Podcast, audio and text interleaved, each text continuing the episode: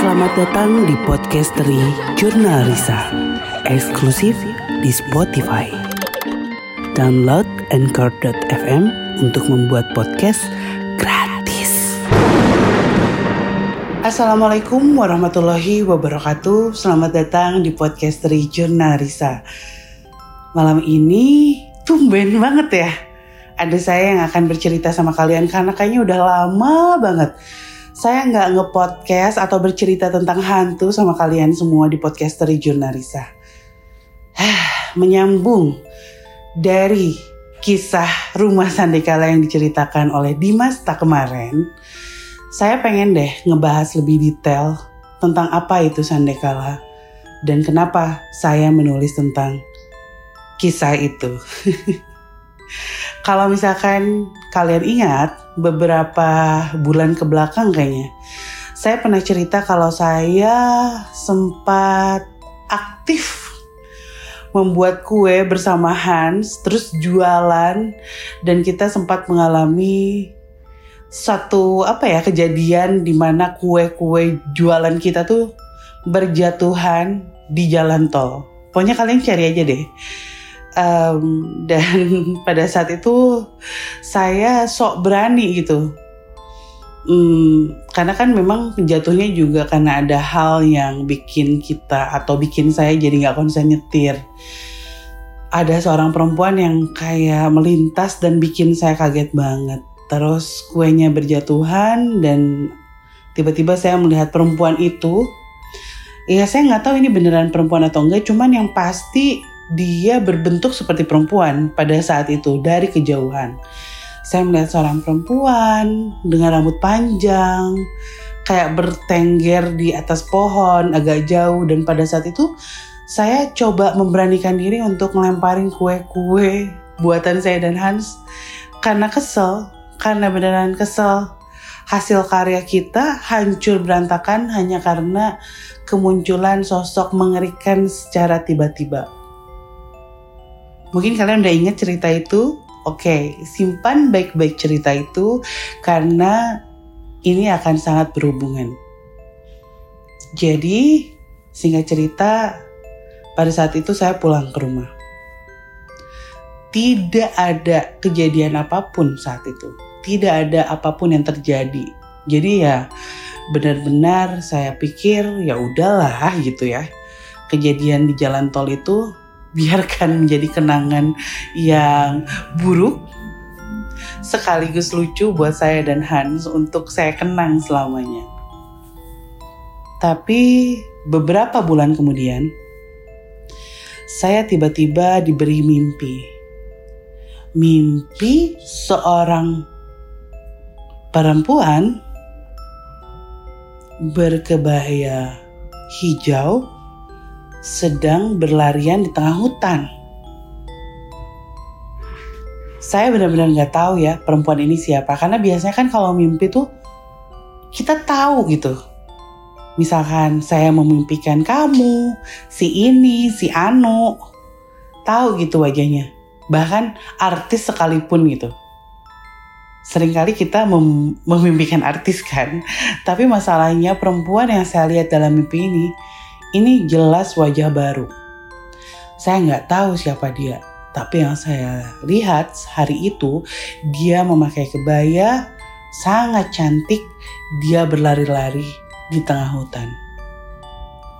Awalnya saya pikir, oh lagi bercanda kali ya gitu, atau lagi main-main di tengah hutan. Ketika bangun saya bingung, ini mimpi tentang apa ya?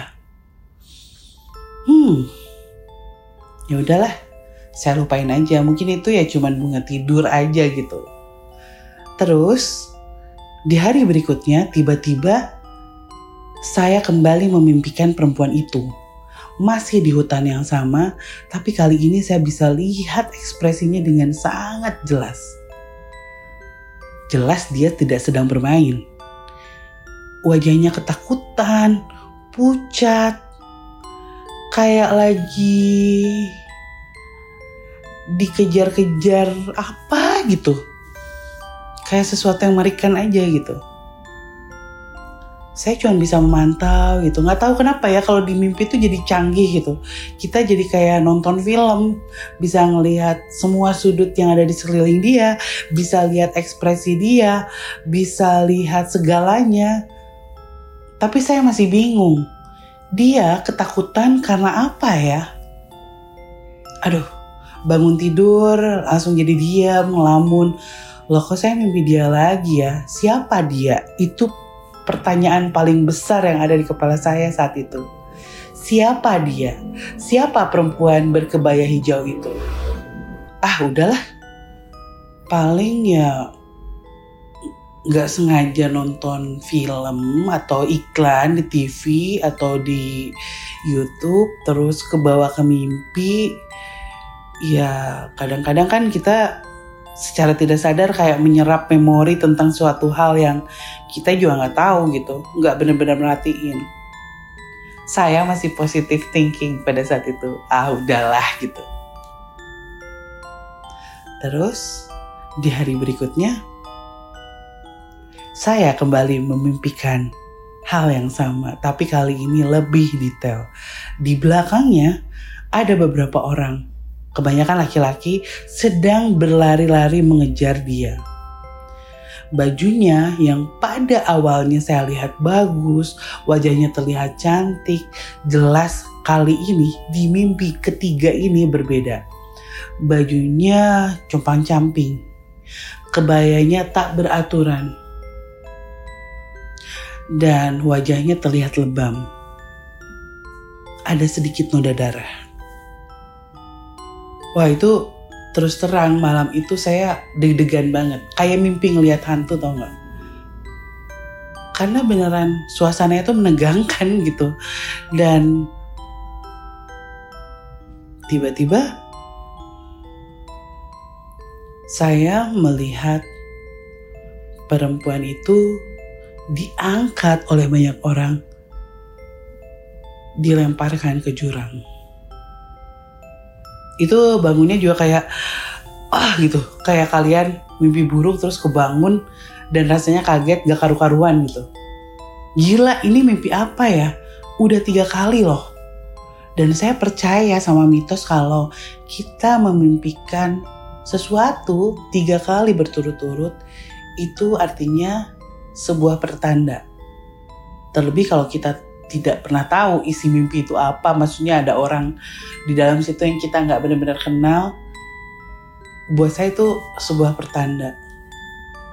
Seharian setelah itu saya berpikir, siapa ya perempuan itu? Siapa ya perempuan itu? Sampai akhirnya setelah lama-lama saya lupa sama mimpi itu, kayak udah paling sehari, dua hari, tiga hari kita masih kepikiran kan. Tapi ya udah seminggu, lebih dari satu minggu itu udah lupa gitu. Saya nggak ingat sama sosok perempuan ini. Sampai tiba-tiba. Aduh sorry ya banyak tiba-tibanya karena memang semua yang terjadi tentang sosok perempuan ini sangat tiba-tiba. Saya nggak pernah menyangka kalau sosok ini akan muncul di kehidupan saya sampai tiba-tiba pada saat itu saya pulang dari kantor kelelahan saya bercermin.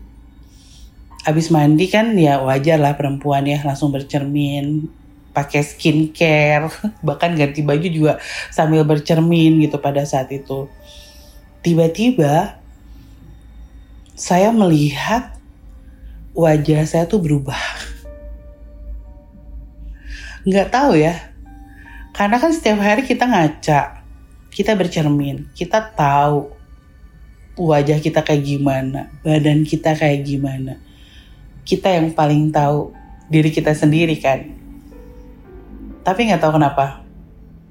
Hari itu saya melihat sosok yang ada di pantulan cermin tempat saya bercermin benar-benar berbeda iya itu badan saya, muka saya, tapi apa ya kayak ada sesuatu di dalam diri saya yang beda aja gitu. Aneh. itu langsung feeling gak enak gitu. Ada siapa ya? Ada siapa ya? Kayaknya ada sesuatu yang masuk ke dalam badan saya. Itu kepikirannya langsung kayak gitu.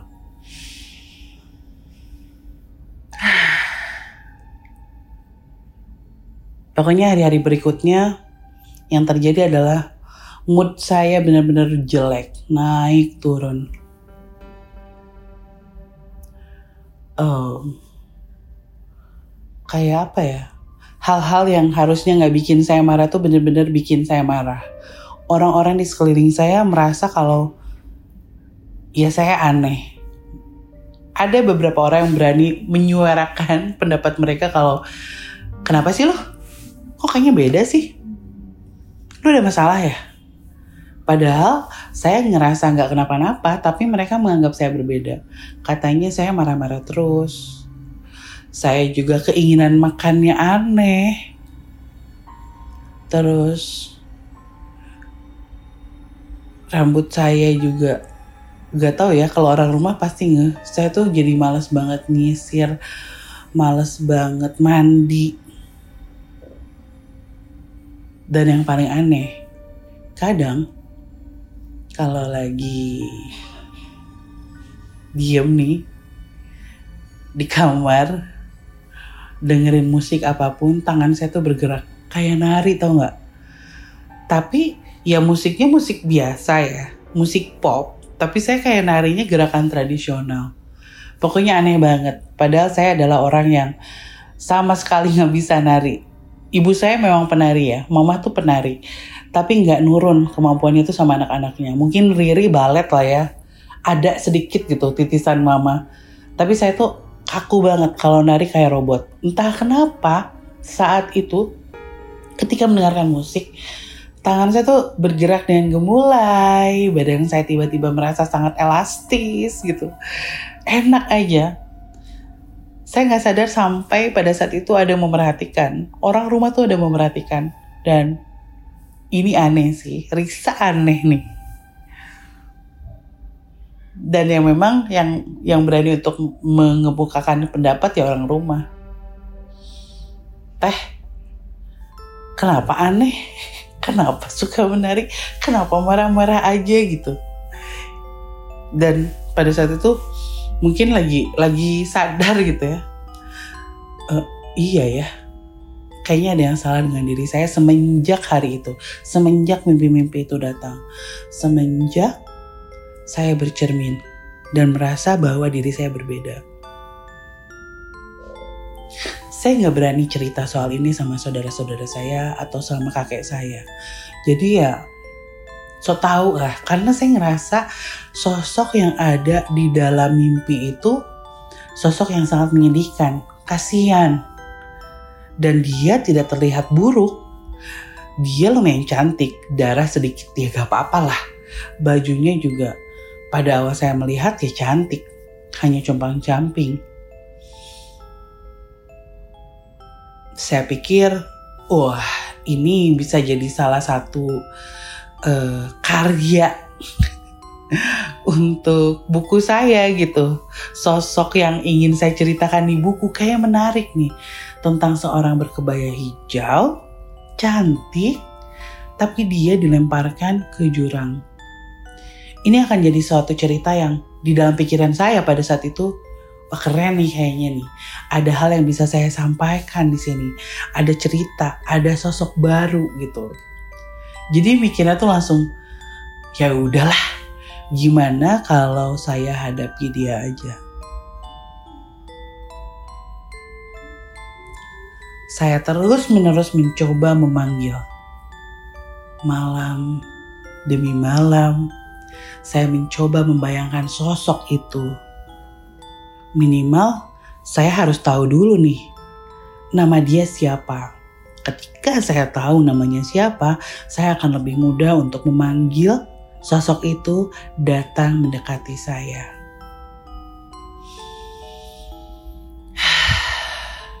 Gila memang si Risa. Gak ada takut-takutnya saat itu. Ya sekali lagi karena saya pikir dia adalah sosok yang cantik gitu nggak masalah lah Peter CS aja saya bisa menghadapi Asih juga hmm, dia takut sih, tapi mulai terbiasa. Lagian sosok ini kayaknya lebih baik daripada Asih. Saya pasti berani, saya nggak akan takut.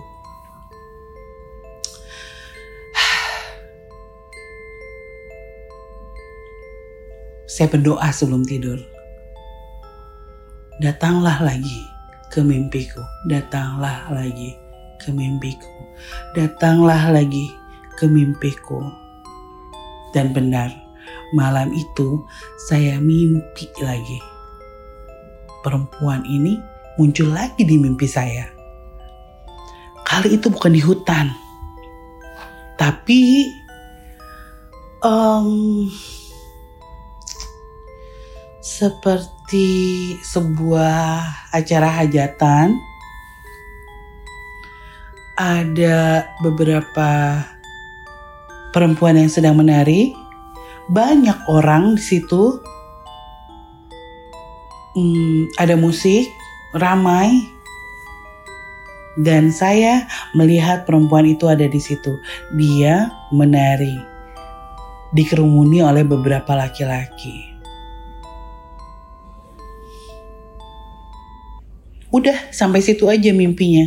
Saya kebangun, pada saat saya kebangun saya langsung berpikir, oh berarti mungkin nih, mungkin perempuan ini dikejar oleh orang-orang itu dilecehkan secara seksual. Kayaknya kayak gitu deh. Dan dia berlari menghindari orang-orang itu sampai akhirnya bukan bukan dilempar ke jurang, tapi dia menjatuhkan diri ke jurang untuk menjaga harga dirinya. Itu kayak kesimpulan sesaat gitu di dalam kepala saya. Ya mungkin kalian juga kalau menjadi saya atau kalian lagi dengerin nih, kalian juga akan berpikir yang sama. Hmm, kayaknya gini deh. Dia seorang penari yang dilecehkan, lalu dikejar-kejar, dan dia mempertahankan harga dirinya loncat deh ke jurang. Saya berpikir seperti itu pada saat itu. Um, tapi namanya saya nggak tahu dia siapa. Saya coba panggil lagi, tidak muncul. Nggak tahu, saya tuh ngerasa dia tuh ada di sekitar saya, tapi dia nggak muncul gitu. Susah untuk benar-benar memanggil su suatu sosok itu tanpa kita tahu siapa namanya. Agak susah gitu kalau dianya memang tidak mau muncul. Tapi ketika kita sebut namanya, kayak apa ya, mau gak mau dia kayak kepanggil gitu, muncul akhirnya. Lagi diem nih, membayangkan mimpi yang absurd, yang belum ada jawabannya kejelasannya. Tiba-tiba saya kayak denger bisikan di telinga saya, suara perempuan halus, dan dia berbisik membisikkan sebuah kata. Gini nih. Sukma. Sukma. Sukma. Ah. Udah. Kaget kan pada saat itu. Eh. Eh. Apa ya? Angin. Tapi untuk dibilang angin tuh kayak. Ini kan di kamar gitu. nggak ada angin. AC pun kayaknya terlalu jauh dari tempat tidur saya. Dan Sukma. Apa ini nama dia ya? Itu langsung oh kayaknya saya dikasih tahu nih. Sosok ini bernama Sukma. Cantik secantik orangnya. Saya makin bersemangat dong karena saya suka dengan kisah-kisah yang yang menyedihkan gitu saya suka menulis sebuah cerita yang justru tidak membuat orang tuh ketakutan pada saat membacanya. Saya suka menulis sebuah kisah yang dramatis di mana orang-orang tuh jadi bisa ambil sebuah pelajaran dari situ gitu. Ada hal yang uh, di luar semua ketakutan yang hantu-hantu berikan pada manusia, ada hal yang membuat mereka jadi seperti itu. Dan saya ingin menceritakan sosok ini benar-benar saya ingin ceritain. Sukma Sukma. Oke okay, oke. Okay. namanya Sukma. Nanti malam ah saya mau coba panggil. Nggak tahu kenapa seharian itu saya kebayang terus. Oh ya. Oh ini ini satu hal yang mungkin tadi saya kelewat nggak ceritain sama kalian. Salah satu hal yang berubah dari saya ketika orang-orang di sekeliling saya bilang saya aneh adalah saya jadi suka makan daging mentah. Jadi saya belakangan itu pada saat itu suka banget makan kayak daging-daging bakar gitu. Tapi gilanya tuh saya tuh kayak cuman dibakar bentar langsung makan. Mentah aja gitu nyaris mentah. Dan itu menurut orang-orang terdekat saya tuh itu aneh gitu nggak tahu rasanya lebih enak sesuatu yang mentah gitu. Lebih menggiurkan. Saya tidak merasa itu anyir. Benar-benar menggugah selera. Itu salah satu kebiasaan baru yang terjadi sama saya ketika mimpi-mimpi itu datang. Siang itu juga sebelum akhirnya saya nanti malam nih rencananya mau panggil sosok ini saya menghabiskan banyak makanan di resto all you can eat dan nyaris daging-daging merah yang saya makan itu masih merah saya makan masih merah saya makan. Gila sih. Oke. Okay. ada sedikit ketakutan karena takutnya apa yang saya panggil tuh nggak sesuai. Tapi ya saya yakin sih yakin ini ini adalah sosok yang baik. Saya harus cari tahu. Sukma Sukma. Saya tahu ini namanya malam itu sengaja saya sendirian di kamar. Keadaan rumah juga sangat sepi. Sukma datanglah. Sukma datanglah. Sukma datanglah. Pada saat itu, saya pejamkan mata saya. Saya udah menyiapkan apa ya? Uh, profil terbaik dari seorang Risa gitu. Dengan habis mandi, menutup mata, tersenyum gitu. Seolah bersiap untuk menyambut sosok yang akan datang malam ini. Karena saya yakin banget Sukma, Sukma adalah namanya gitu. Saya panggil sekali lagi. Sukma, datanglah. Ber. Itu setelah beberapa kali saya panggil namanya, tiba-tiba keadaan di sekeliling saya jadi dingin banget. Bulu kuduk merinding dan hati saya bener-bener kayak berdegup kencang gitu. Karena ini, perasaan ini selalu datang ketika yang mendatangi saya, sosok hantu yang datang ini mendekati saya adalah sosok-sosok yang negatif, yang jelek. Sebelum saya panggil nama Sukma ini, saya membayangkan dia akan datang dengan baik, tidak akan menimbulkan rasa takut berlebih, tidak akan membuat keadaan sekitar saya menjadi dingin. Ini tuh aneh dinginnya. Dingin tapi di dalam diri saya tuh kayak panas banget. Wah, kayak energinya tuh kuat banget gitu. Dan dan seketika itu saya langsung merasa ciut, ciut banget. Oke, saya masih memejamkan mata dan saya yakin dia udah ada di dekat saya, sangat dekat karena beda banget. Dingin, badan terasa panas, seperti ada emosi yang gak bisa saya gambarkan dengan kata-kata. Bismillahirrahmanirrahim. Saya coba buka mata saya pelan-pelan. Satu, dua, tiga.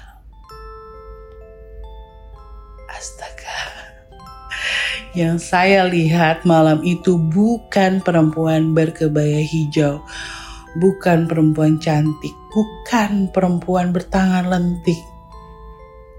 Bukan. Di depan saya malam itu berdiri sosok makhluk tinggi, besar, tingginya nyaris mencapai plafon kamar saya tanpa busana, rambut terurai sangat panjang. Payudaranya nyaris menyentuh lantai.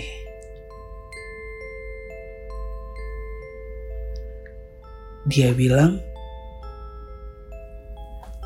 Aing Sukma.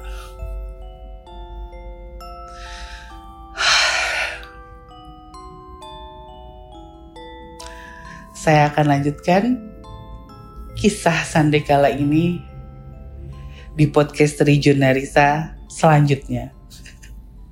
Biar kalian penasaran. Wassalamualaikum warahmatullahi wabarakatuh.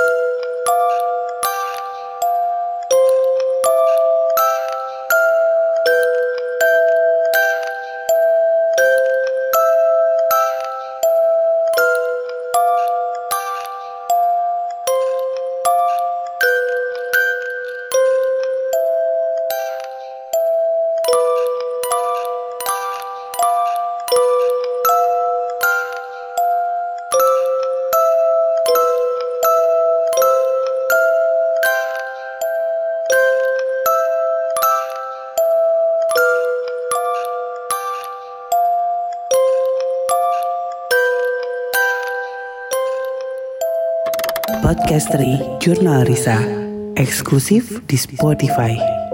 Download Anchor.fm untuk membuat podcast.